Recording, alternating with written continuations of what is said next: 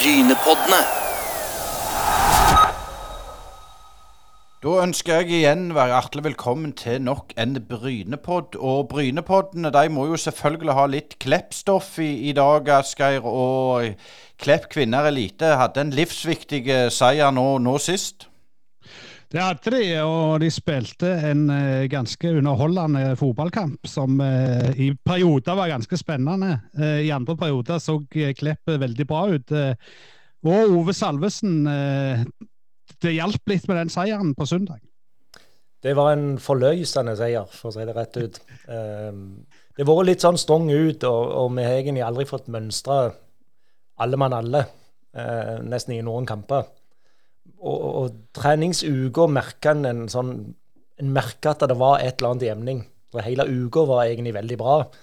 Eh, vi hadde bilrebusløp eh, på torsdagen og avslutta med en felles eh, bespisning nede hos Gjørs. Og, og, det var altså det var nesten sånn Jeg følte når jeg snakket, hadde en liten peptalk på fredagen, så var det, jeg spurte noen av spillere på feltet etterpå jeg, La jeg litt press på dere nå? Press, sa de. Jeg hadde håpet vi kunne gått ut og spilt kampen nå, for de var, de var bare så klare. Så jeg hadde egentlig bare én beskjed i pausen, eller, eller før kampen da på, på, søndag. Så kikket jeg rundt meg så sa jeg, vet du hva, det er bare én ting å si her, det er bare å få ut energien. Og Så gikk det vel 28 sekunder, og så lå den første ballen i notet. Så de gikk jo ut av startblokken så det holdt. Men, men, litt sånn der, det, hvis vi bare får ta, ta, dra to-tre to, ord om den kampen. altså Hege Hansen får seg en smell om å gå ut. altså Er det sånn, da tenker du å nei, ikke nå igjen? Ja, for det at Hege var veldig bra. Altså, hun gjorde så mye bra i starten av den kampen at det, det ble litt sånn åh, er vi der igjen nå?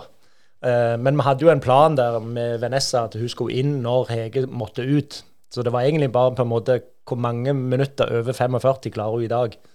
Så, så, men det var jo ikke planen at hun skulle gå ut så tidlig da. Så ja, tanken streifa meg. Det må jeg ærlig innrømme. Eh, dere gjorde jo en grep eh, eh, i sommer og, og henta inn eh, noen spillere. altså jeg vet at det, det, var jo litt frykt for at dere faktisk kunne rykke ned, og nå ser det jo mye bedre ut enn det var. Men kan du fortelle litt om tanken rundt de grepene? Ja, for det første så, så følte jeg at vi, vi, måtte prøve å få inn litt ny energi. Altså på en måte å vise at vi ikke, vi er ikke handlingslamma for det om det ikke går helt veien. Så, så, det var en, men det er jo, en, det er jo, en sånn, det er jo litt bingo, da. Vi, vi, reiser jo ikke rundt og leter på hullet én i Europa. Det gjelder jo å treffe skikkelig. For det med, med toppserie, førstedivisjon kvinne, Norge er dessverre ikke sånn som det kanskje var tre, fire, fem, seks, sju, åtte år siden. Nå, nå, går de til Premier League, de går til La Liga, de går til de store klubbene. Så det gjelder å treffe skikkelig, og det følte jeg faktisk vi har gjort. Eh, både Mulul Shia, som ikke er mer enn 19 år, som ser ut som hun har spilt fotball hele livet. Og det har hun sikkert gjort, men, men hun ser ut som hun er passert 30. Altså jeg, der traff vi skikkelig. Eh, og Vanessa har den energien som vi håpet hun skulle bringe inn i gruppa. Veldig sånn sosialt oppegående.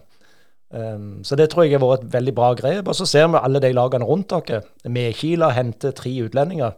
Uh, Amazon henter vel òg tre utlendinger.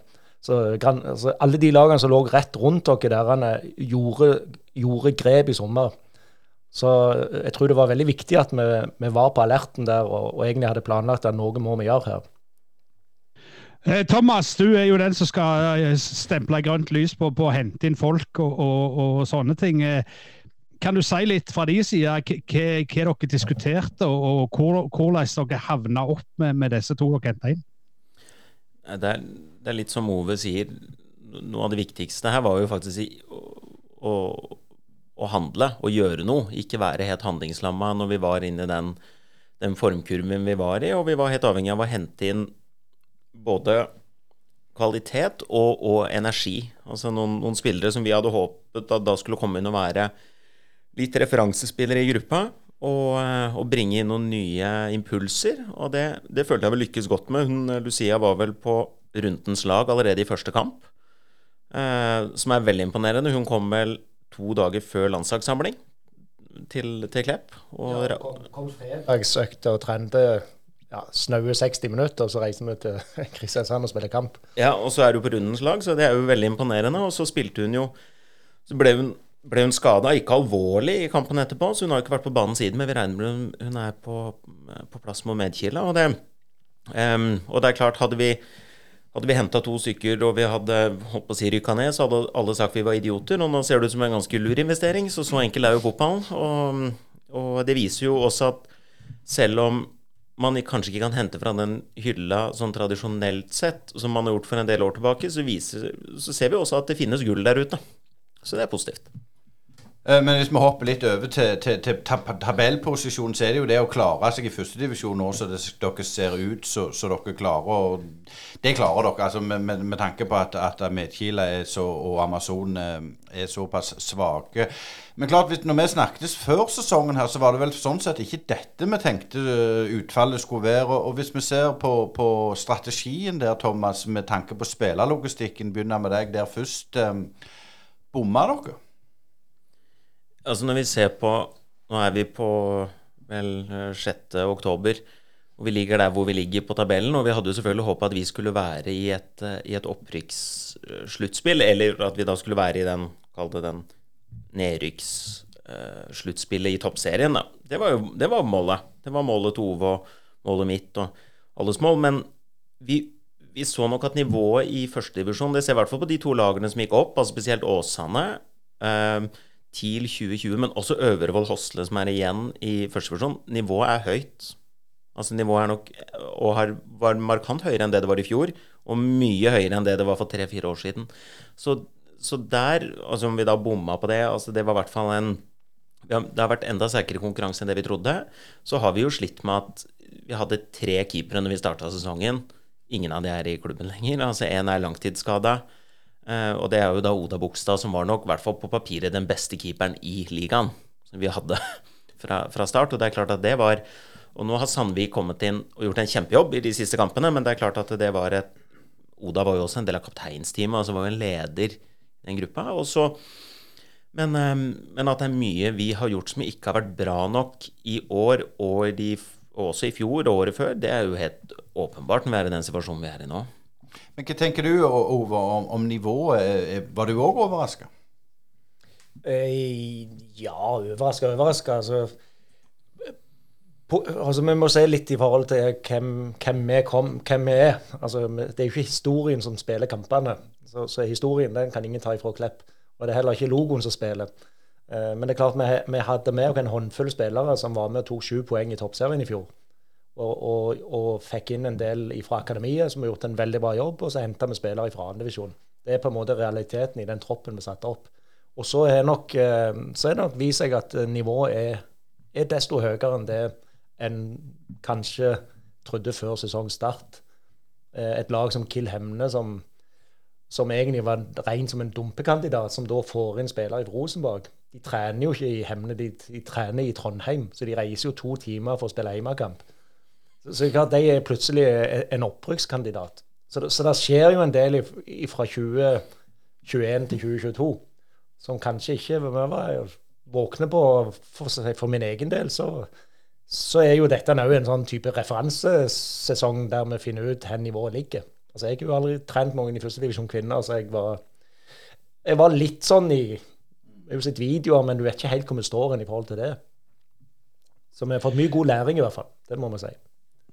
Eh, men Ove, dere begynte jo sesongen sånn oppskriftsmessig bra. Det så ut så, altså Dere vant vel den første kampen, og, og, og det så liksom greit nok ut. Og, og at dere skulle varme opp i det. Men, men, klarer du liksom å nå, når du ser tilbake til vårsesongen og, det som har skjedd siden, altså, er det noe du klarer å sette fingeren på som ikke har gått deres vei denne sesongen? Ja, men vi føler vel at vi har hatt en del stong ut. Eh, nå starta vi jo mot Hønefoss 2-2 første kampen hjemme med, med, i en kamp som jeg føler vi burde vunnet. Så jeg tenkte det var liksom ah, Shit, gir vi vekk to poeng her? Men det viser seg jo etter hvert nå, så var jo ser du et av de lagene som vi slitt med videre i sesongen. 1-1 eh, borte mot, uh, mot, TIL, det var jo faktisk et veldig godt resultat. Når vi nå ser sesongen eh, litt sånn Ja, når en har kommet såpass langt. Men, men, det som det som nok har vært litt av bare, altså, Hvis du tenker alder altså Alle snakker om at ja, det, du kan ikke bare skylde det på alder, men, men vi spilte mot Kill Hemne når vi er borte. Eh, der vi har en snittalder på 19,4 år når vi starter kampen. Og, og da har vi to-tre spillere som på en måte drar det ganske høyt opp. Så det er klart, eh, livbøya vår ute på banen når alle de unge på en måte får en del motgang. Hege eh, har jo dessverre ikke vært veldig disponibel eh, i sesongen på banen. Hun var veldig god å ha ut forbi banen. Eh, men, men, vi ser sånn som mot Kill Hemne, der vi spiller med en 16 år gammel keeper, en 16 år gammel stopper, og hun som på en måte skal være erfaren spiller, som er 18 år, som skal stå imot eh, to dødballer mot Kill Hemne, som, som er ja, 10 kilo, 10 kilo og 10 år eh, større og eldre. Eh, og da, Det blir litt sånn rått parti, og så ser en det at en en god del av de unge spillerne, selvfølgelig når det går litt tungt, eh, er vanskelig å snu en hel gjeng. Hadde det vært liksom én og to og tre spillere, så klarer du det. Men, men, men, totaliteten gjør at det blir litt sånn vanskeligere og vanskeligere på en måte å, å få de til å skjønne at de faktisk er veldig gode fotballspillere. Og som jeg sa som jeg kom her i dag, at jeg trente jo mange av de guttene i, i Sandnes Ulf eh, som nå gikk til semifinalen i gutta 19 NM. Eh, samme laget tapte 7-1 mot Stord i tredjedivisjon menn. Hvis du hadde tatt den gjengen der og satt dem inn i en Obos-ligakamp, så tror jeg det hadde sett ganske stygt ut. Vi stiller i Jenter 19 NM, kommer til semifinalen, så tar vi akkurat det samme laget så hiver vi det rett ut og spiller førstedivisjon. Det er på en måte realiteten vi er i akkurat nå. Så, så det skaper jo læring, men, men, det er ganske stygg læring for, for enkelte. Men, men, hvis vi gjør jobben og, og, gjør, og, klarer å bare beholde plassen nå, så tror jeg spillerne òg vil vokse på dette både mentalt og ett år eldre. Eh, og ta med seg referansene inn mot neste sesong. Så, så jeg, det er klart det, vi skulle ønske og trodde at vi skulle ligget høyere og tatt mye mer poeng, definitivt. Men så må vi heller se litt bak hva er det egentlig som har skjedd, og, og hva kan vi høste ut av dette. Eh, du skal få lov å høste om bitte litt, eh, Thomas, men jeg har lyst til å ta deg litt tilbake til litt uh, lykkeligere dager. altså Når dere tok uh, tredjeplassen og henta en sånn ganske ukjent ung trener fra tjukkeste New Zealand, og det så ut som Klepp klarte å demme opp for dette her, jaget med at dameklubber slår seg sammen med herreklubber. Eh, og så skjer det noe der at dere går inn og dere spiller med yngre lag. og, og nedrykkssesongen så var det jo et lag som var også eh, nede i der mest noen av 20 i snittalder. Hva var liksom tanken bak at dere endte opp der? Er det bare tilfeldigheter med at alle forsvinner i covid og studering og sånn, eller er det andre ting som spiller inn akkurat i den overgangen der det begynte å bytte virkelig mot? Altså, når vi var oppe i den sølv- og bronsesesongen i 2018 og, og, og 2019, eh, så hadde vi eh, vi hadde vel i hvert fall denne sesongen syv utlendinger i denne startelveren. Og vi hadde et utenlandsk trenerteam. Sånn at det var i hvert fall ikke et, et lag med en veldig sterk lokal uh, identitet. Og, og, og, det er ingen tvil om at når korona kom, kombinert med større satsing på klubber i utlandet, så uh, gikk det utover oss på, på sport. Det ble vi ganske hardt rammet av. Um, vi hadde jo spillere som da ikke fikk lov til å komme inn til Norge, som var signert. Det gjorde det veldig krevende. Dette var jo da selvfølgelig viktige spillere. Spillere som også hadde kostet en del penger i, i kvinnefotballmålestokk. Men det er klart, dette var jo og mye av grunnen til at Klepp har hentet en del utlendinger opp igjen de siste årene. Det har ikke vært fordi vi ikke har tro på norske spillere, eller fordi vi skal hente de fordi de er utenlandske. Det er jo fordi de også har vært referansespillere for de yngre spillerne på akademiet som har vært veldig veldig viktig. Ikke bare sånn teknisk og fysisk, men også taktisk og mentalt og holdningsmessig så har det vært veldig viktig. Spesielt Tameka og Kersey Yallop og sånne ting. Når de var her, så var de ekstremt viktige spillere for å utvikle eh, akademitalentene. Nå har det vært som Ove sier, en 16-åring skal måtte se til en 18-åring i en kamp for å være referansespilleren, og, og kalle det trygghetsspilleren. Det er, det, er, krevende. Eh, så er det jo også sånn at når vi tok eh, sølv og bronse, så var det kjempebra, og det var masse skryt og tjo hei. Men vi hadde jo også det tredje høyeste budsjettet, så det jo, ville jo vært veldig skuffende med en syvendeplass. Det hadde jo vært en fiasko. Så når vi møtte mange av de større klubbene, jeg tror vi til og med når Vålerenga kom på besøk det året, så tror jeg vi hadde større budsjett enn dem. Det har vi ikke i dag. Så um, nå ligger vi jo dessverre kanskje litt der hvor vi nesten skal være i forhold til budsjettabellen. Ikke at vi er happy med å ligge der hvor vi ligger, men, men den satsingen den har vært fenomenal. Og det kommer jo også mye ytre finansiering i en del av disse klubbene. Så, det er en utfordring for oss. Men hva er det som gjør at det på en måte pengene har uteblitt? Det er sikkert ikke noe quick fix på det, men du sier ytre finansiering. Eh, Fortell litt eh, hva du mener legger i det. Nei, altså det er klart, Vi må jo se på hvordan vi har jobbet på, på markedssiden for å få inn mer inntekter. Men det er klart når vi ser klubber går fra å være kall det selvstendige kvinneklubber da, av de mer tradisjonelle sorten, av de klubbene som har vært i veldig mange år, til å plutselig gå inn i, inn i disse større herreklubbene, og budsjettene fyker til himmels, så er det jo sånn at det er klart når, når jeg ser klubber har Jeg lurer på om Brann og Rosenborg lurer på om de har rundt 20 millioner, eller om det er mellom 18 og 25 millioner i budsjett. Og så er det store målet er å komme til Champions League. Og så prates det om at det er 5 millioner for å komme dit til Champions League. Og det er klart, Hvis Bodø-Glimt hadde kommet seg til Champions League på herresida, så hadde det vært 200. I år hadde vi, De starta vel sesongen i år med et budsjett på 140-150, som har blitt høyere utover året. Men det ville sagt at hadde de kommet til Champions League, så hadde de fått over 100% av budsjettet sitt i, i inntekter derfra. Hadde en kvinneklubb kommet til Champions League, og de har 20 millioner i budsjett, så snakker du 25 av, av budsjettet. Det er egentlig ganske lite med tanke på den investeringen som, som trengs for å gå inn der.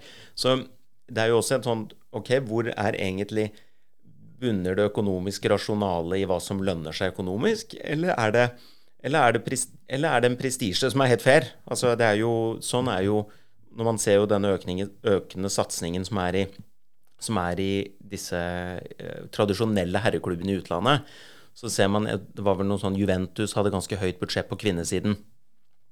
Eh, de, langs, de, ga ut rapportene sine nå i forrige uke på økonomiske tall i Juventus som hel klubb. Fra juni 2021 til juni 2022. Da har de tapt 2,4 milliarder kroner. 245 millioner euro har de tapt. Um, Manchester United i samme periode 170 millioner pund. Samtidig som eierne tok ut et utbytte på 340 millioner norske. Altså Det er helt ekstreme summer vi snakker om. Så, og selv om ikke de summene er de samme i Brann eller Rosenborg eller, eller i Vålerenga, så er det jo sånn at det er klart når man også kan nok eh, bake inn eh, avtaler for kvinnesatsingen i de større sponsorkontraktene i herreklubbene, så gir nok det en, en synergieffekt. Og som er veldig positiv. Det er ikke noe feil med det. Det er en veldig fin ting. Men det har nok, det har nok definitivt eh, en, en del med det å gjøre. Det tror jeg. Men for din del, Ove, når du, når du, er rundt nå og spiller kamper, sånn, er det sånn at alle spør deg hvorfor slår ikke dere dere sammen med en, naboklubb? Nei, det er ikke, ikke når vi reiser rundt og spiller kamper, for da, de andre lagene har mer enn nok med seg sjøl. Men, eh, men, men hvis, hvis, hvis, en på en måte stiller spørsmålet Det som jeg er litt sånn bekymra for når vi snakker litt om, eh, om studenter osv., så, så, så det er klart at hvis, hvis Åsane nå rykker opp og Bergen sitter med tre toppserieklubber, pluss Fyllingsdalen da eventuelt tar steget opp i førstedivisjon, så sitter de med fire klubber i toppfotballen. Da er ikke terskelen veldig høy for studenter i hele Norges land for å reise til Bergen og studere. Så det er ikke et pre for Klepp at dette eventuelt skjer. For det vi ender opp med da, hvis nå Avaldsnes rykker ned, og Åsane rykker opp, så er det Oslo mot Bergen. Og så er det én klubb oppe i Trondheim. That's it. Og det er ikke bra for norsk damefotball, eller, eller kvinn, eh, fotball for kvinner, eh, så det heter, så, så er ikke dette bra med, med, på en måte to byer som skal ha hele utviklingsmiljøet. Det bør fordeles litt rundt. Jeg tenker, Du som trener, hvorfor har det blitt sånn, tror du? Hva, hva er det som har skjedd på veien? Er det noen som ikke har fulgt med? på en måte? Nei, det tror jeg ikke. Jeg tror både det har vært varsla og og så er det jo positivt. altså Jeg må jo ikke glemme at dette er positivt, at disse tingene skjer for, for, for, eh, for kvinnefotballen. Det, det, er jo En må ta grep her. Når, når en ser hvordan vi ender opp i EM. Um, Albania og, og, Estland og ikke hva land som har lag i Champions League. Vi har ingen lag der. Så, så er det klart at som jeg sa, vi, vi blir jo selvfølgelig bedre fordi at vi trener. Det gjør jo alle. Hvis du trener, så blir du mye bedre. Men når alle lagene ute i Europa eller europeiske land blir enda bedre, så er det et gap som vi må tette der. Så, så hvis ikke vi på en måte klarer å heve standarden i norsk, eh, norsk toppfotball på, på, på kvinnesida, så tror jeg vi vil få enda mer problemer. Eh, Thomas, det, dette er jo litt sånn at du samler ei klynge i Oslo, og, og, Bergen er jo holdt på å si litt motsatt av herrefotballen. Altså Oslo-fotballen dominerer ikke, og Brann rykte jo ned i fjor. Nå går de rett nok opp igjen i år. men er det noen andre dynamikker i spillet når det gjelder eh, kvinnefotball, enn, en det er på herresida, tror du? Jeg, jeg vet ikke helt. Jeg tror det er veldig individuelt fra klubb til klubb og spiller til spiller. Jeg tror veldig mange spillere er interessert i å være med på prosjekter. Altså prosjekter som virker fascinerende, interessant, lovende. Altså om det er å reise til eh, Om det er å reise til Brann, som jeg tror har hatt et veldig veldig spennende prosjekt, eller ikke har hatt, de har et veldig spennende prosjekt. Eh, jeg tror det kommer til å være veldig interessant for veldig mange spillere å komme til et potensielt Bodø-Glimt. Altså, som er Gran Bodø i dag, og som eventuelt vil bli Bodø-Glimt. Altså, de, har de har jo hatt et, et ekstremt byks hva angår kall det klubbidentitet de siste årene. Um, jeg tror det er veldig interessant for veldig mange spillere fra Oslo å spille for Vålerenga som jo tross alt er et Oslo-lag. Altså det er um, det er jo ikke Lillestrøm eller Kolbotn, i hvert fall ikke Kolbotn. Det ligger godt stykke utenfor, for å si det sånn. Jeg tror, de, altså jeg tror Vålerenga har, har, en, uh, har en, uh, sånn magnetisk tiltrekningskrabb på veldig mange spillere, med den standingen som de har. Uh, naturlig. Um, jeg tror lønn spiller en rolle, men det spiller ikke en avgjørende rolle. Altså Det spiller mye mye mindre rolle enn det gjør i herrefotballen. Ikke fordi herrefotballspillere er grådige, men det er fordi pengene er ikke der. Altså Det er såpass lite penger vi snakker om allikevel, at jeg tror ikke det har alt for Jeg tror ikke det spiller så mye rolle. Eh, men samtidig så, så skulle det jo løftes opp. altså eh, Kvinnefotballen har jo vært i mange år et flaggskip i norsk fotball eh, med OL-gull og, og og liksom vært best i verden på mange. Så har vi hatt den der tendensen, altså de store nasjonene har plutselig funnet ut at kvinnefotball òg skal satses på. Så har de på en måte tatt litt igjen og blitt litt sånn speilbilde av herrelag. Men som Ove er inne på, ja, du har lag fra Estland, du har lag fra Albania som nå er i Champions League. Har det skjedd noe i norsk fotball? at eh, holdt på å si, Er målet at alle skal bli like dårlige som herrene, eller er det andre ting som spiller inn her? Nei, altså, jeg, jeg vet ikke. Når du altså Hvis man ser på norsk herrefotball, på klubbsiden, så er det jo sånn at så kan man sitte og diskutere nivået opp og ned så mye man vil. Men det er, og, og det, er, det er, klart, det å kritisere fotballspillere det er den enkleste øvelsen for folk i verden. De tjener for mye, og det filmes, og det blir sånn Mest av det blir bare egentlig et latterlig å høre på. Um, det er jo Realiteten i norsk eh, klubbfotball på herresida i dag er at det ikke er et høytlønnsyrke i det hele tatt. Altså, du, du tjener, du tjener vel tre-fire ganger så mye hvis du spiller i kroatisk toppdivisjon.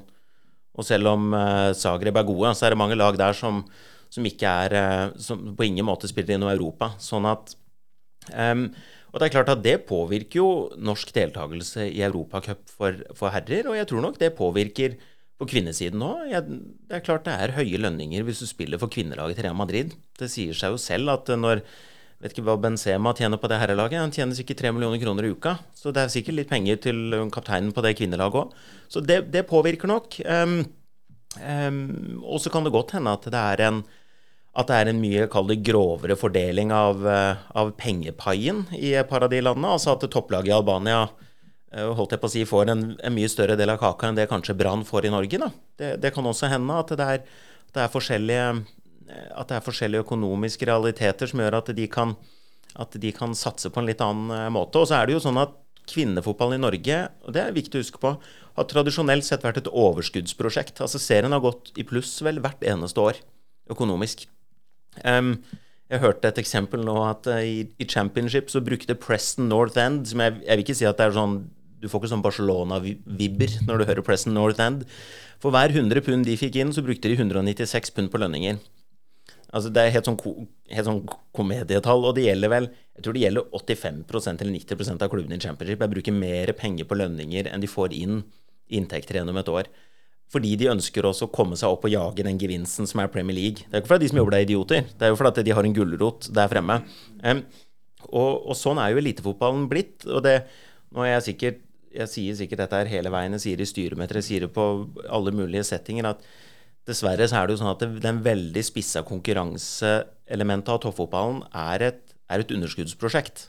Og, så, og er Norge, det er jo ikke Norge med på, og det er jo egentlig en positiv ting. Og, og, um, men uh, at kvinnefotballen i Norge, både på landslagsnivå og klubbnivå, jo, lå jo ekstremt langt fremme for bare noen år siden. Altså, Vi hadde jo et av verdens beste landslag på kvinnesiden. Uh, og at andre land har tatt oss igjen, og sikkert også vært flinkere det tror jeg ikke det er noe tvil om. Men hvis du hadde spurt Lise Klavenes eller noen av de toppene rundt det, de hadde jo sagt akkurat det samme. De hadde jo sagt det, de òg. At man sikkert har blitt litt mette. Og så har det kommet noen underdogs som har kommet opp. Men jeg tenker litt sånn, det er klart på herresida så kan du utvikle um, spillere og tjene på spillersalg for å drifte klubben på den måten. Det er jo ikke så vanskelig på jentesida. Men er det noen løsninger for en klubb som Klepp framover, Thomas? Hva, hva, hva kan en gjøre? Altså Man håper jo at det skal bli en form for Kall det trickle down eh, economics innenfor et mer internasjonalt overgangssystem. Altså at man faktisk skal ha at man faktisk vil ha en Man kan jo ikke innføre noen overgangssummer, det skal man på ingen måte gjøre. Men man håper jo med at mediepakka, og den kommer jo til kvinnefotballen til neste år, og den er og det var mye diskusjon om den var for liten, og at det var dårlig forhandling og alt mulig når det kom, men den er i hvert fall mye mye bedre enn det man har hatt. Så da får man heller fokusere Vi som jobber i klubb, må i hvert fall fokusere på det positive. Um, og, um, og, det er klart, det Jeg så, så vel i budsjettet til Jeg lurer på om det var i budsjettet til Bodø-Glimt, så tror jeg de hadde budsjettert noe sånt som det var 25 eller 30 millioner i spillesalg. Så har det blitt mye mer. Men, men, det er jo veldig, veldig store summer. Sånn at nå kom det Jeg, jeg var akkurat på et medlemsmøte nå i, med toppfotball kvinner, og da var det Nå er det ikke de tallene som blir en realitet, men da hadde de lagt opp et, et utgangspunkt for en beregning av noen uh, utviklingsmidler som gikk på hvor mange spillere du hadde på aldersbestemte landslag. Det var 10 millioner kroner som skulle fordeles mellom toppserien og førstedivisjon. De, og det er da 20 klubber, og Klepp skulle få 2,2 millioner av de 10 millionene. Det er jo en altså det er ikke en ekstrem sum, men det er en ekstrem fordeling av de midlene til Klepp. Og Lyn skulle ha over tre. Så var Klepp og Lyn skulle ha, skulle ha type 5,5 millioner. Det, nå ikke Nå kommer vi ikke til å få inn to millioner på det, men, men, eh, men forhåpentligvis blir summen ikke så langt unna. Det er derfor vi håper på. Og det viser jo også at, at forbundet og toppfotball kvinner også tar da denne talentutviklingen og de klubbene som jobber veldig hardt med dette og målretta med dette, at de tar oss seriøst. For hadde det ikke vært for, hadde ikke vært for mye av det arbeidet som har blitt gjort i Klepp, og de andre klubbene her på Jæren og i Stavanger, for de, er, de skal ha like mye skryt, så hadde det jo mangla noen spillere på, i den starten på landslaget. Ove, to millioner det er vel det som du svidde av i ungdommen på helg på Bens kafé på Helleland? men, eh, men eh, jeg lurer litt på, på dette her Noe snakker om snittalder på laget, et veldig ungt lag. Du har trent juniorer, du har trent herrelag tidligere. Hva er den største forskjellen? Altså, du, du vet jo at unge spillere kan du utvikle, forme. de er mindre på harddisken enn noen gamle garva femtedivisjonsspillere eller fjerdedivisjonsspillere, eller hva det måtte være. Eh, hvordan har du liksom angrepet dette her nye, og hva har du lært gjennom sesongen? Det er jo altså du lærer jo, For det første så lærer du litt nå når du, når du er i den situasjonen du er med så mye unge spillere, og så er det jenter. Altså vært veldig mange år på, på herresida. Og, og, merker jo at det er to litt sånn forskjellige ting. Litt sånn tilnærming til ting. Eh, hvordan du må legge opp ting for å prøve å nå fram. Um, men usedvanlig dedikerte spillere. Altså det, det, er en drøm å jobbe med denne gruppa. Jeg, eh, jeg, må, jeg, må, jo berømme dem når, når, du tenker på hvordan vi har hatt det nå i høst. Der det har vært en del både stong ut og, og, og en del dårlige eh, avleverte kamper med, med, en del tap. Vi har slått med i Kila, vi har klart en uavgjort mot Amazon. Men uh, hver mandag når vi møtes, er vi klare til å skape uh, smil. Vi har klart å skape engasjement, og entusiasme inn mot neste kamp. Um, og den, den ja, det, det, det, er en egenskap som jeg Ja, det har jeg i hvert fall lært. Altså, de har vært ekstremt dedikerte til det de har sagt ja til å være med på. Eh, men du som fagmann, Ove, er dette god spillerutvikling når det er så mange unge? Jeg, jeg tenker jo det hvis du er 16-17 år og, og, og taper 5-0 og får slakt Du kan jo bli øyelagd. Ja, det er derfor jeg sier mye av jeg, jeg er glad jeg har vært i utviklingsarbeid i så mange år. Uh, og ikke en mann som har sagt ja fordi at jeg skal på en måte opp og fram og, og, og vinne et eller annet på død og liv. Altså, Vi ønsker selvfølgelig å vinne kamper, men jeg må jo se med hva type spillere vi har, og passe på akkurat det som du er inne på der. At vi på en måte bruker det som en del av utvikling. At uh, samtaler, video osv. er mye mer positivt lada enn en nødvendigvis å hente fram alt det som de burde gjort. Så jeg er veldig opptatt av å fortelle dem det at uh, husk at du spiller mot en 28-åring, du er 18 år. Du er ti år til med læring. Om ti år så kan vi si om du var på det hennes nivå eller ikke, men ikke i nuet. Og så skal vi gjøre det vi kan for at vi tar med dette som en god erfaring, tar med de gode tingene, og så har du litt mer verktøy i sesongen 2023. Så Det er jo på en måte det vi hele tida fokuserer på, både meg og Kenneth og, og Ove og Asgeir og, og, og, Lars og de som er med rundt teamet. Så vi er veldig opptatt av det å, å jobbe rett og slett med de unge, for å få de til å skjønne at ja, vi taper kampen resultatmessig, men eh, vi tar med oss noe i verktøykassen. Sånn at vi står mye mye bedre rusta når, når, vi skal gjøre dette en gang til. Eh, en ting vi har snakket om, jeg skal bare påpeke Asgeir, ikke meg. Det, det er Asgeir eh, Vikedal, vel. Eh, men, men, altså, eller Kleppa, unnskyld. Men, men altså, en ting eh, som vi har hørt igjen av, av spillere på herresida, det er at før så hadde du en gammel traver som tok tak i de unge og satte de litt på plass og var litt Eh, striks i kantene med det. I dag er det mye snillere inni garderoben. Dere har jo Hege Hansen, som har sett det meste i, i kvinnefotballen. og hvordan, fungerer dynamikken i en kvinnegarderobe? Eh, Ove, kan du si litt om det? Altså, er det sånn at Hege tar litt tak i disse unge og sier om dere skjerper dere sånn, eller er det stort sett snilt og pent og pyntelig? Ja, nå er, jo, nå er det jo sant at jeg er jo veldig sjelden i garderoben av naturlige årsaker. så Det er jo en av de tingene jeg har lært at jeg, på guttesida så går du i garderoben og får, får, på en måte mer med deg. Eh, og litt mer sånn hva som skjer og ikke. Men, men ja, Hege tar tak i garderoben. Men litt av det som jeg gjerne glemte å si, det er jo liksom, hva skal vi gjøre for på en måte å utvikle de unge spillerne enda bedre? Ei sentrallinje bestående av spillere mellom 25 og 28 år så kan du nesten pøse inn på hvem du vil av de unge, unge spillerne som er. For de har masse ferdigheter. De trenger på en måte bare den livbøya som jeg snakket om innledningsvis, til å, å klamre seg litt til når, når, det går litt trått ute på banen. Som du sier, som tar tak og, og, og veileder når, når, det ikke akkurat går veien. For, for, det er det vi på en måte mangler litt. Vi mangler den 18-19-åringen som tør å ta det ansvaret. Og, og, det er jo ikke gitt at vi kan si at du, du, skal ta det ansvaret når du egentlig ikke har noen verktøy med deg til å faktisk å ta den rollen. De er mer enn nok med seg sjøl ute på banen. Om ikke de skal, skal være den som veileder hele laget òg, som en 18-åring. Så det er liksom Ei god sentrallinje eh, er nok sannsynligvis det vi kommer til å diskutere ganske heftig nå etter sesongen, med, med hvordan vi kan lage en, en, en litt, mer, litt bedre gruppedynamikk som gjør at de unge får utvikle seg i et skikkelig i et skikkelig hierarki. En annen ting som preger dagens samfunn, er jo at uh, jentene, eh, iallfall de som er seriøse, er ekstremt seriøse, ekstremt flinke. Og de har aldri gjort noe gale. De har liksom bare vært pliktoppfyllende hele livet. Er det noe du ser igjen i et fotballmiljø òg, dette? Ja, det, det, det, føler jeg er ganske tydelig. At de er, og det er nok kanskje litt av det som preger når det går litt imot. Det er jo det, nettopp det der med at uh, oh, er, det, er, det, jeg som gjør det feil? Er det jeg som gjør gale? Er det, er det, er det min feil?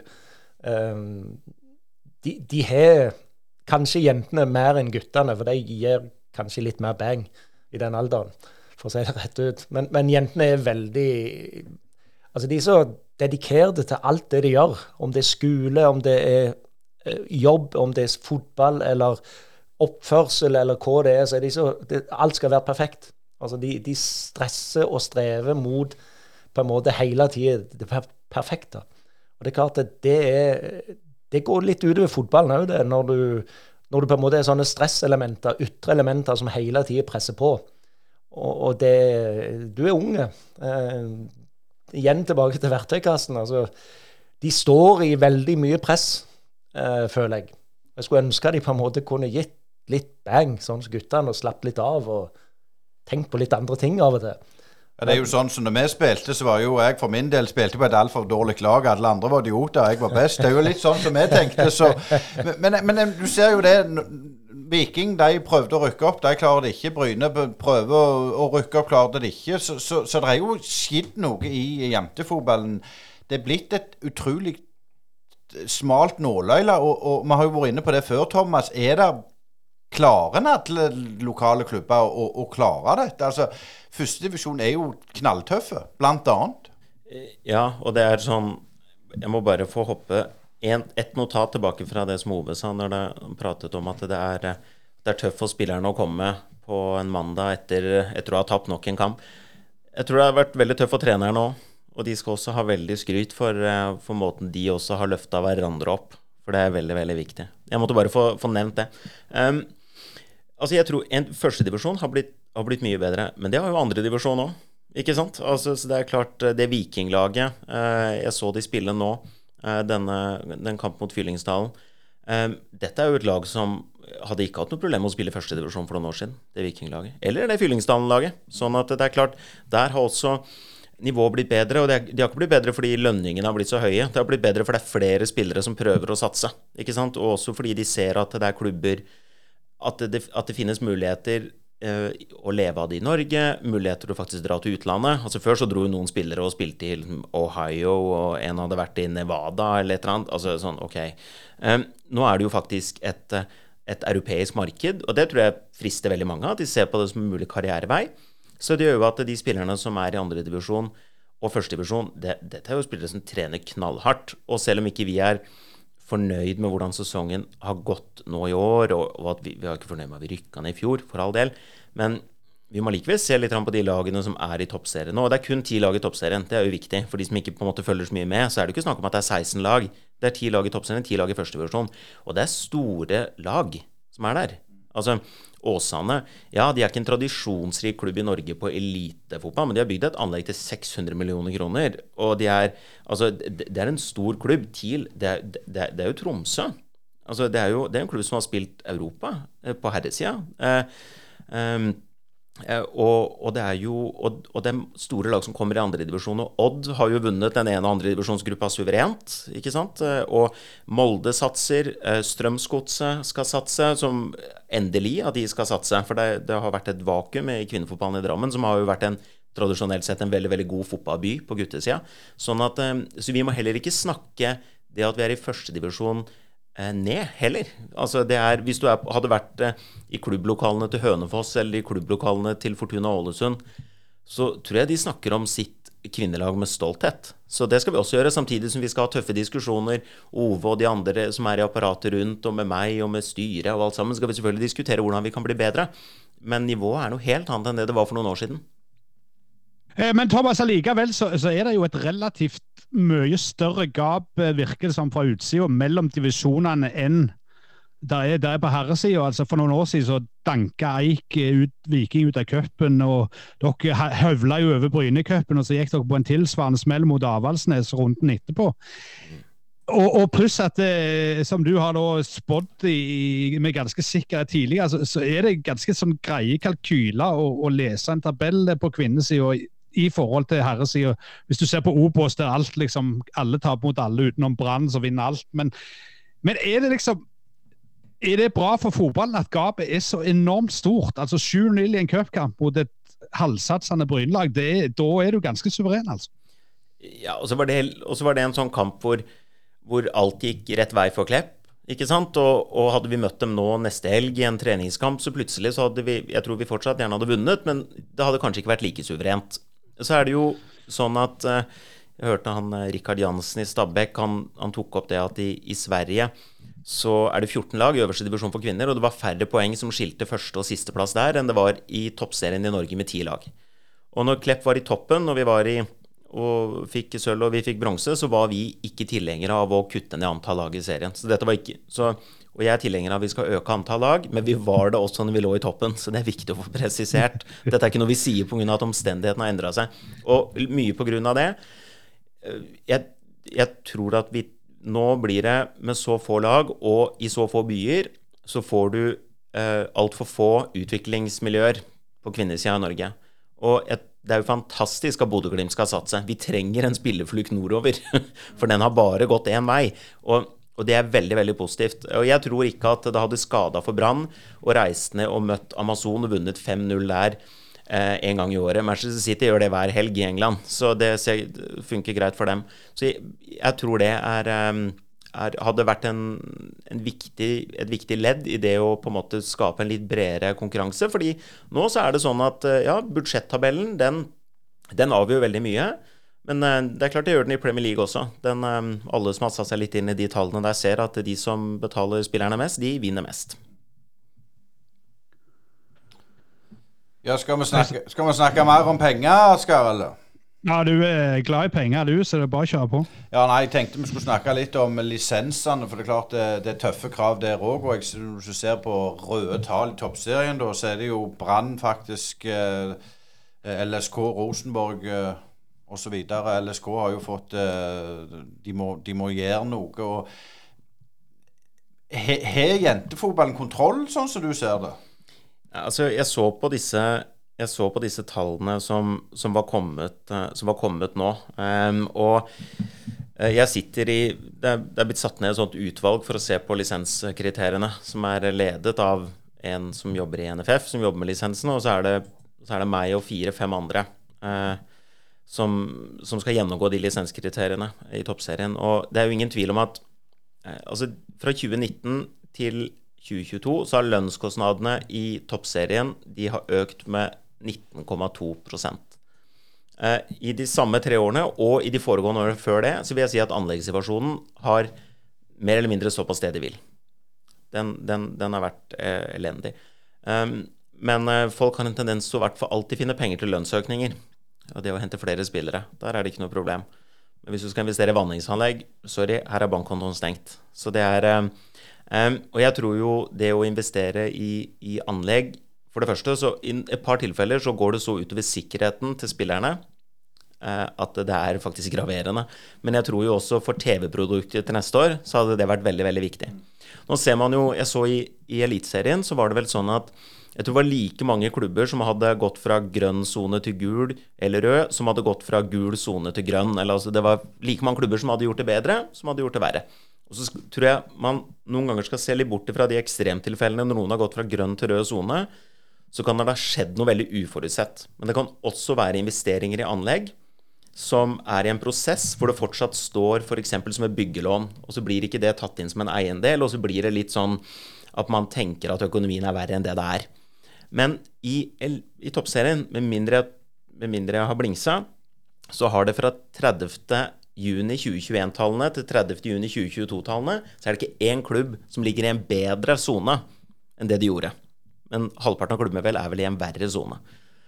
Det er klart, Ofte så går utvikling sakte, men utviklingen fra sommeren 2021 til sommeren 2022 den er ganske ekstrem. Fordi det var fra pandemi til at ingen husker den pandemien. Og det er klart det har gått fra ikke tilskuere på kamp til tilskuere på kamp. Og det har jo åpenbart vært negativt økonomisk for toppserieklubbene. Fordi tilskuerne er tilbake, men støtten er borte. Og så kan man selvfølgelig diskutere hva som er grunnen til det. Kan det være at noen klubber har vært litt sjenerøse med søknadene sine? Det kan andre få lov til å bedømme, men tallene er jo der ute. Um, det kan nok gjerne ha skjedd.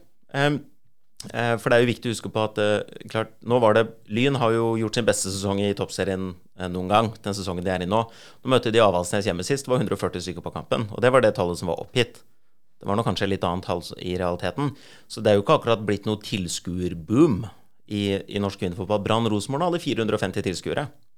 Jeg mener Fredrikstad og Obos har 4007 i snitt. Sånn at vi ligger jo langt bak på den interessebiten. Og det er klart, det med Men så er det noen kamper som det er veldig mange på.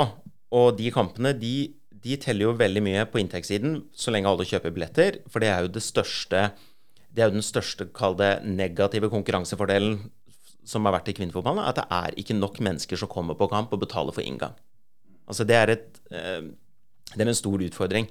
Og jeg så Nå gikk jo han eh, Bayern-treneren til eh, Nei, han Brann-treneren gikk jo til Bayern, han Alexander Strauss, og skulle til Barn, og det var en av verdens største klubber. Men jeg så jo nå i forrige seriekamp, så tror jeg det var 2100 på kamp. Det er jo ikke mange mennesker. Altså det er jo det er ikke så langt unna det Nærbø har på sine kamper. Og um, sånn at um, det er fortsatt ikke noe og så er det, du Ja, du har noen kamper som har gått på kamp nå, og det har vært 97 000 og sånne ting, men vi må vi må ta bort ekstremtilfellene, og så må vi se på hverdagen. Og den er ikke så god som det den bør være om man skal klare å løfte seg opp på et høyere økonomisk nivå, enten det er førstedivisjon kvinner, toppserien, eller for de utenlandske seriene, sånn som jeg ser det. Så er det mange som vil være helt utrolig uenige med meg, så det er sikkert greit å spørre de òg, men, men eh, det, er, eh, det, er, noe som vi alle sammen må jobbe mot og, og bedre. Eh, men Thomas, når vi er inne på, på tall her, eh, neste år så slår jo den nye TV-avtalen inn. og, og det er jo mange som sikkert har gambla litt på at den skal komme og berge dem fra, fra, fra gapet. Men samtidig så merker en jo i næringslivet og, og det rundt at strøm, strømmen har gått opp. Eh, der, der, er ikke så mye penger som, som, flyter rundt kanskje som tidligere. Hvordan angriper dere det der kommende årene? Er dere rusta til å stå imot en dupp f.eks. i sponsormarkedet? Altså jeg tror det blir eh, beintøft for norsk idrett å møte spons det sponsortiden som kommer, med de økende prisene. Noe annet ville vært veldig, veldig rart. Eh, vi Jeg har for det første så har jeg jo den beste markedsmannen i Einar Braut, så der er, jeg, der er vi jo Det er jo helt fantastisk. Og så har jo vi Altså, vi har vært veldig opptatt av de sponsorene som vi har. Veldig, veldig opptatt av å ta vare på de som er i det sponsornettverket. Og vi har veldig, veldig fornøyde sponsorer. Um, og vi er Når vi rapporterer til Fotballforbundet, så rapporterer du masse forskjellige ting. Og så rapporterer du også hvem de tre største sponsorene dine er, og hvor stor For da er jo de interessert i hvor stor prosentandel av de totale inntektene dine er fordelt på de tre største sponsorene. Noen kan jo ha 80% på den største sponsoren. Og Det er ikke noe feil med det, men det er klart da er du veldig, veldig sårbar om, eh, om den bedriften jobber i ja, er en industribedrift på, på Vestlandet, for å si det sånn, med nye strømpriser. Så jeg tror nok at vi kanskje vil få en litt sånn kjølende effekt på norsk idrett på det som går på elitesatsing. For elitesat, altså breddeidrett er ikke valgfri. Den bare må vi ha, koste hva det koste vil. Elitesatsing er valgfri.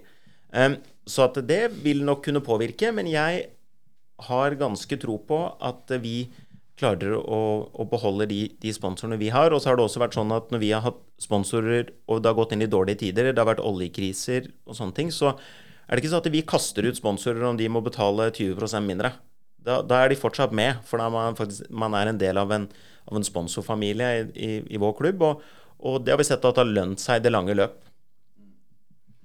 Eh, men Ove, du er jo hovedtrener her, og det er klart eh, Hvis du skal se på dette framover altså, Vi snakker om bærekraft innen idretten. sant? Altså, Det er jo ikke bærekraftig å ha bare, bare 17-åringer på laget. Men hva tenker du Klepp skulle gjort? Skulle de slått seg sammen med en klubb? Skulle de tenkt større? Skulle de tenkt annerledes? Eller, eller tror du sånn som dere gjør nå, er, er veien å gå? Ja, hvis jeg på å si hvis, hvis, jeg snakker et litt sånn bredere bilde ut fra eget ståsted, og ikke som Klepp-trener, så, så jeg, jeg, litt sånn Jeg blir såpass glad i damefotballen nå når jeg er så involvert, at jeg, jeg, skulle ønske at Rogaland på en måte klarer å steppe opp eh, og være konkurransedyktig mot andre regioner. Eh, og så, må en på en måte da eventuelt diskutere i, på et litt høyere plan da, hvordan den løsningen blir. Om det er å slå sammen forskjellige miljøer, eller om det er å klare å skape noe på egen hånd. Eh, det, det, det, føler jeg egentlig Det har jeg egentlig full tillit til, til Klepp og, og, og, styret i Klepp. Til at de har et veldig godt uh, eh, overordna både innsikt og plan i forhold til det. Um, men ja, det, jeg skulle selvfølgelig hatt noen litt eldre spillere. Men jeg er litt opptatt av for min egen del at vi altså Som Thomas var inne på, som jeg syns er litt greit å fortelle, eh, på en måte si, altså historien spiller ikke kamper. Hadde, vi, hadde en på en måte om fem år bare sitt og så sier det at eh, OK, her er det Rosenborg, Lillestrøm, Vålerenga, og så er du Klepp og så er du Bodø-Glimt, og så er du Molde, og så er du Odd, og så har du Strømsgodset. Altså det, det, det, der er vi. Altså hvis Klepp klarer å være topp 20 i Norge om fem år, tre år, så vil jeg nesten påstå at det er en prestasjon. Thomas, eh, har du tanker om dette? Jeg går ut ifra at eh, din plikt som, som daglig leder er å kikke rundt og se hva som skjer i resten av Fotball-Norge. Er dere kjerringer mot strømmen, eller bærer det mot byen? Ja, altså Jeg var jo en av de som gikk ut og kjøpte Hellas-drakt når de vant EM. Jeg er jo fryktelig glad i en underdog. Så, men det er, jo, det er, jo, helt riktig det som Ove sier. Altså Selv når vi var i, også når vi var i toppserien for noen år siden, så var vi jo oppe der og kjempa på, på toppen av tabellen mot lag som hadde et helt annet, kall det brand, da, i norsk fotball. Altså Spesielt av Vålerenga er et godt eksempel. Nå er jo da, og Det var jo LSK kvinner, de dominerte jo lenge. Eh, og, men vi er jo helt avhengig av når det går bra, når det går dårlig, og når det går helt passe, så er vi avhengig av å ha et så tydeligst mulig bilde for styre og administrasjon og trenere for hvor vi er i landskapet, og, hvor, og hvordan vi skal jobbe i tiden som kommer for å bedre våre konkurransevilkår. Et av de er selvfølgelig å se på hvordan vi er organisert, og om og for kvinner Altså når Sandviken blir til Brann, Trondheimsøren blir til Rosenborg de Det har åpenbart vært en suksess. En gigasuksess for de klubbene. Trondheimsøren holdt jo de holdt vel ikke på rykken i året før, men det var på en måte ikke, de var allikevel på nedre halvdel av tabellen. Så ville det vært veldig rart om ikke vi diskuterer det. Og det, og det gjør vi. Men um, skal du ha et samarbeid med en annen klubb, da, som alle skjønner at da ville vært en større herreklubb, så må du også um, For nå, nå er det sånn at alle herreklubber i Norge skal satse på kvinnefotball. Det er jo ikke sånn at det, eh, finnes 20 styreledere rundt omkring i herreklubber i Norge som har våkna klokka fire om natta og sagt åh, vet du hva, nå skal jeg satse på den kvinnefotballen. Altså, shit, nå har virkelig lyset gått opp for meg. Sånn er det jo ikke. Eh, mange ser på det som at vet du hva, vi har vært for dårlige på å ta vare på, på jentene som også er en stor andel av de som er på kamp, ikke sant? Når er, spesielt når de er yngre, at uh, unge jenter i Bergen ønsker å spille for Brann. Unge jenter i Trondheim har gått på Rosenborg-kamp, har sett Rosenborg spille Champions League, og finne ut av vet du hva, her må vi bare gå litt i oss selv, vi må ta tak. Og så har du nok de som føler at uh, vi må kunne rettferdiggjøre det overfor sponsorer og, og politikere, og sånn at uh, hvis vi skulle gjort et Altså, det, er min, det, er min, jobb å sondere det landskapet og gi mine betraktninger til et styre av hvordan jeg vurderer situasjonen. Og så er det, så er det klubbens styre og potensielt årsmøte og gå, og gå videre. Men når vi nå skal møte Fortuna Ålesund borte om eh, noen uker, så måtte vi tilpasse den kampen etter to ting. Det var Ålesund sitt herrelag skulle spille kamp på søndagen, og det forstår jeg. Det må vi tilpasse. Så måtte vi selvfølgelig også passe på at vi på ingen måte kolliderte med herrelagets trening på lørdagen. Og det var, som jeg sa med flytidene, da kanskje, kan, kanskje, de kan trene en time før. Nei, det var helt uaktuelt. Da tenker jeg ok. Eh, det er ikke sånn at eh, vi skal flytte fordi det er noe El Clásico som skal spilles. Det er Ålesund sitt herrelag som skal trene. Det er, eh, men, men, det kunne de ikke. For der var herrelaget så mye foran at dems treningstid, fire uker fram i tid, det overkjørte damelagets terminliste. Sånn samarbeid ville jo ikke vært aktuelt for oss i det hele tatt. Altså Det for meg blir bare Da er du bare en del av en klubb fordi de skal, fordi de skal kunne si at de satser. Det, det, er ikke aktuelt. Og så ser man den modellen som LSK kvinner har hatt i mange år, hvor de har, en, de har hatt en form for sånn hybridsamarbeid med LSK. De har prøvd å bli en del av LSK sin, sitt herrelag. Herrelaget vil ikke, og så blir du egentlig stående liksom på stedet vil du falle litt mellom to stoler. Det tror jeg er en dårlig modell. Enten så må du gå inn i det, eller så må du ikke gjøre det. Altså Nå har LSK spilt med LSK kvinnernavnet i, i, veldig mange år, og de er fortsatt inne i den hallen. De ikke, og det virker ikke som at de er noe særlig nærmere å spille på Åråsen. Så, um, så, det er mange modeller å vurdere. og så er det, Men det som i hvert fall er viktig, og det gjelder spesielt hvis du er en del av kvinneklubbene, det er at man må fordi ja, som Ove sier, historien spiller ikke kamper. Vi har sett det når laget har kommet til oss i år. De har definitivt vært motiverte når de har kommet til Klepp og spilt. For mange av dem så er det da første gangen de har møtt et Kall det et toppserielag, da, selv om vi er førstedivisjon nå. Så et lag som alle har forbundet med toppserien. De har vært knallmotivert til å komme. Men klart for, for Klepp, hvis man skal diskutere, diskutere de samarbeidene, så må man legge bort historien. Og så må man se hva er det beste mulige rammevilkårene som man kan, man kan få med noen andre, og, og, ikke tenke for mye på farger og logoer og sånne ting. Så, men eh, dette er eh, diskusjoner som tvinger seg fram i alle kvinnemiljøer, alle kvinnefotballmiljøer. Og, og, for noen vil det være riktig å samarbeide med andre klubber, og for noen vil det ikke være riktig. Så det et spørsmål til her, er Ove først, og så Thomas kan følge opp hvis, hvis, det er behov for det. Altså, Det er jo en reality-serie på gang på, på andre sida av nordsida av Buknafjorden med, med, Jon Arne Riise og Avaldsnes. Eh, de ligger jo utsatt til. Nå vant de riktignok uh, ny, nylig nå. Men hvis Avaldsnes går ned nå, hva blir status da i kvinnefotballen i Rogaland, Ove? Går det et hakk ned, eller de, har de så mange innkjøpte spillere på nordsida av Buknafjorden at det ikke vil prege nivået noe særlig i, i Rogaland? Første, går, vi går jo et hakk ned fordi at de går ned en divisjon, og så har vi ingenting oppe i toppserien. så det, det, det sier seg sjøl. Men uh, de har vel egentlig slitt litt med det samme som vi har gjort. Altså, de er en ganske eh, unge tropp der oppe. De, de spiller med, med, med 16-17-18-åringer, nesten sånn, litt sånn som Klepp gjør.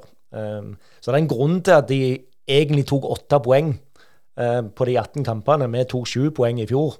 De fikk elleve, men det var fordi at Kolbotn ikke kunne stille bane til dem når de skulle spille mot dem. Så de teller, teller jeg egentlig ikke med. Så de, så de har hatt en veldig røff sesong der oppe.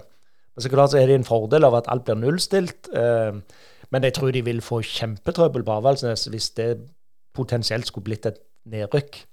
Så, så vil nok de merke en, en, litt annen hverdag enn det de kanskje har vært vant med, de òg. Så det vil i hvert fall uansett ikke være noe særlig bra for rogalandsfotballen at vi bare har lag som ikke får det til. Jeg er litt sånn spør på det, Ove. Jeg tenker sånn som Jentene, er, er, er, de noe interessert i, i, dette med sammenslåing? Er det diskusjoner? Nå er ikke du i garderoben, som du sier, men, men er, er, det noe det folk er opptatt av, eller er det bare det opptatt av, av, av seg sjøl og sitt lag? Jeg er garantert at det diskuteres. Uh, og, og, og, de er jo som gutter. Vi diskuterer jo si, Du er en del av et miljø, og så er det alltid noen som du konkurrerer mot på en eller annen, en eller annen klubb eller, eller, nivå. Så det er selvfølgelig at det blir diskutert veldig mye fram og tilbake. og uh, Jeg er veldig usikker på hvordan lyden egentlig er, hvis du, hvis du setter deg ned og faktisk snakker med dem om dette er dette en issue. At vi faktisk kunne ta f.eks. Viking, da, at det hadde blitt en, et samarbeid. så ja, så vil nok noen være veldig happy, og så kan det være noen som ikke er happy på det. Men, men, men, du som trener, er det irriterende på en måte når vi tar opp dette? Er det sånn at fasiken jeg vil bare trene fotballag og gjøre det best mulig med de rammebetingelsene jeg har, ferdig? Nei, jeg syns det er betimelig at det blir tatt opp. Eh, og Det er derfor jeg sier jeg har full tillit til, til Thomas og, og, gjengen på Klepp til på en måte å, diskutere det, øvre, altså det, det, det bildet litt opp forbi. Jeg har selvfølgelig meninger og tanker rundt det, men, men jobben min er å være hovedtrener på Klepp eh, og gjøre det si, som jeg er satt til. Og, og, og, bruke på en måte mye mer energi på det enn det som kan bli. Eh, for den, den, jobben kommer ikke jeg til å være involvert i uansett. Eh, Thomas, dere har jo en, en, en nøkkelkamp i grunn hjemme til da, mot Medkila. Altså, vinner dere den, så er det vel teoretisk i orden òg med alt. Men altså, kan du si litt om dynamikken i, i, i, deres klubb når det gjelder dette med å finne spillere. Altså, du har typisk Folk snakker om at det begynner i januar og ser på spillere for neste sesong osv. Men kan du si litt om det, hvordan den dynamikken du snakket om å styrke i sentrallinja for, for, å heve det et hakk? Når begynner dere med arbeid for neste år og sånne ting? Altså, nå har det vel hengt litt på om dere klarer dere ikke? Ja, altså De siste tre årene så har det jo vært usikkerhet mot slutten av sesongen hvilken divisjon vi skal spille i. Altså Det gjaldt jo i 2020 når vi holdt plassen. Den holdt vi jo helt inn på tampen. Eh, I fjor så rykka vi ned, som selvfølgelig ble jo Det var ikke et sjokk av vi rykka ned fordi vi visste at det kunne skje lenge, men det var likevel et sjokk fordi vi rykka ned for første gang. Sånn at det var jo noe du ikke hadde opplevd. Og nå i år har det jo også dessverre vært usikkerhet rundt det. Sånn at, Og så er jo det sportslige vi har jo, Hos oss er jo det sportslige teamet, og det har vi hatt i alle årene jeg har vært i Klepp, så er trenerapparatet og de som jobber med utvikling, veldig involvert i spillerlogistikk. For det er de som skal trene laget. Um, de, og de er også involvert i budsjett og økonomi rundt det. Fordi altså Ove han skjønner økonomi og, og det å sette tæring etter næring og, og pluss og minus, han skjønner det veldig, veldig godt. Og, og det handler også om å gi om å gi trenerne eierskap til Men bare si Det er jo ikke alle trenere som skjønner det. Nei, nei, nei, nei, nei, på ingen måte. Men det er ikke alle daglige ledere som skjønner det heller. så, og så er det flere trenere som skjønner altså, Så er det mange daglige ledere som, som tror de forstår veldig mye fotball. Ikke sant? Og som jeg, jeg har vel prata om her før òg. Trenere som er, med, som er nede på banen og står og feirer med, med spillerne når det går bra, og sitter på styrerommet og sier 'fy faen, det var ræva kamp i går, gitt'. Han treneren han må nå gå når det går dårlig to uker etterpå. Sånn at uh, nå jobber jo Ove og jeg veldig tett på hverandre, og, og, med alle de andre som er en del av Klepp Elite. Uh, og, og, det er klart, det å, å, ha eierskap til logistikkprosessene, men også kostnadene rundt det, det tror jeg er veldig veldig viktig. Og, men det er klart, vi jobber jo for fullt nå eh, inn, mot, uh, inn, mot, neste år. Og, og med de spillerne som, som, som vi har i den, i den gruppa nå, som jo er en Altså Det er jo en ekstremt talentfull spillergruppe. Altså Vi vant jo var vel 5-0 mot Avaldsnes i kvartfinalen, og nå tre, dag, tre dager etter Medkila-kampen, da, eh, da skal vi spille semifinale hjemme mot Lyn i NT19. Eh, så vi må bare vinne mot Medkila, for da blir det fullt lag mot Lyn.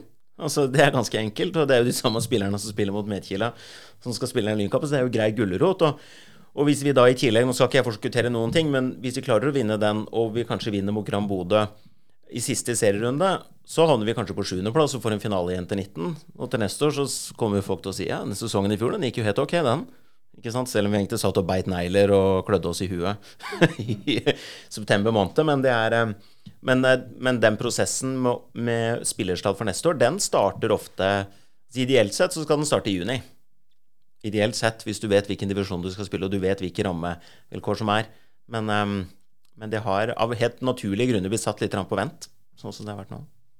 Men Ove, bare sånn helt kort fra, fra sportssida der. Eh, du sa at du snakket med Olli og, og, var ute etter noen som var midt i 20-åra, og, og, han sa at eh, hvis du har noen, så send de over. Men er det blitt litt bedre nå etter covid, liksom, at ting er litt mer tilbake i en slags normal nå, og en kan se litt klarere på ting enn det en kunne for halvannet til, til to år siden?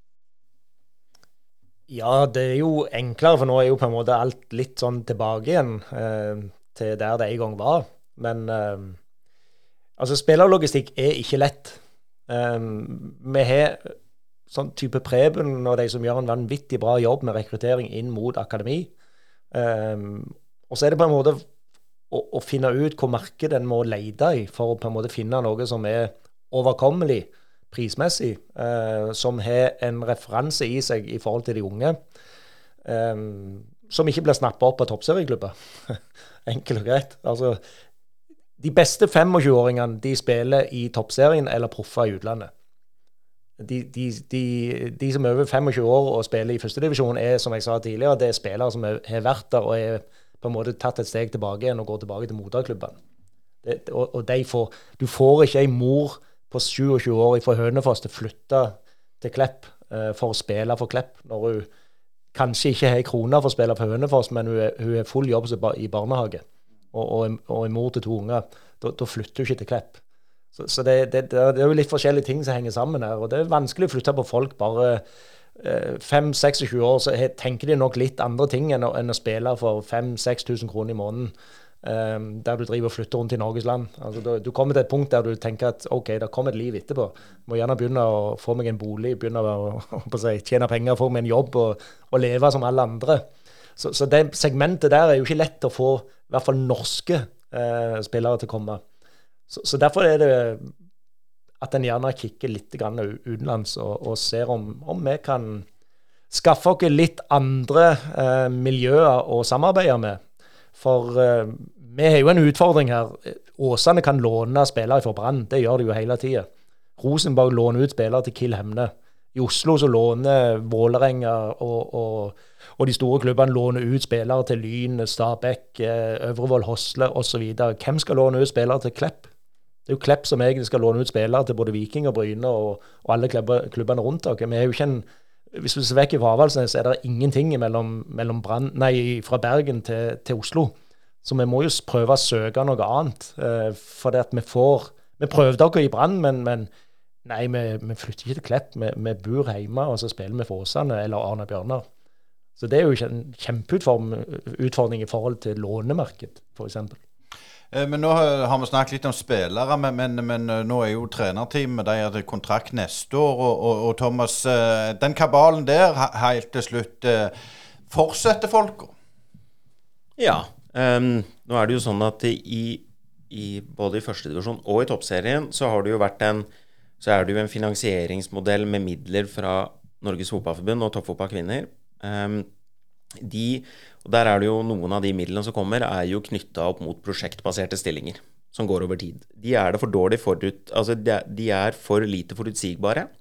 Eh, sånn at du kan gjerne gå langt inn i et år før du får vite om du får støtte til den stillingen det året. Og når de samme har en strategi om å tiltrekke seg mer kvinner inn i klubbene til å jobbe, så er det i hvert fall feil vei å gå å gi folk så lite forutsigbarhet. Um, og, men alle som jobber i, i uh, Klepp nå, altså i Klepp Elite, da, som også jobber Vi har to stykker som, er, som jobber innenfor utvikling og spillerutvikling. Um, vi håper å kunne, å kunne, tilby dem også uh, kontrakt til neste år, og alle er veldig ønska, og det vet de. Alle er veldig veldig ønska. Og Ove er jo med, det er veldig positivt. Eh, det er veldig positivt for oss som klubb. Og så er det også veldig positivt å få spillerne. De vet hvem som skal trene laget til neste år. Det har mye å si. Um, og um, Nei, så, så, planen er å fortsette med, med, de folka som er, og bygge Og forhåpentligvis så mange som mulig av de spillerne som er her nå, så vi kan bygge videre på det veldig, veldig gode fundamentet som er i, eh, blant de unge spillerne. Frivilligheten langs rv. 44 er i samarbeid med Rogaland fylkeskommune, Sparebanken Sør og Reimar Lode AS.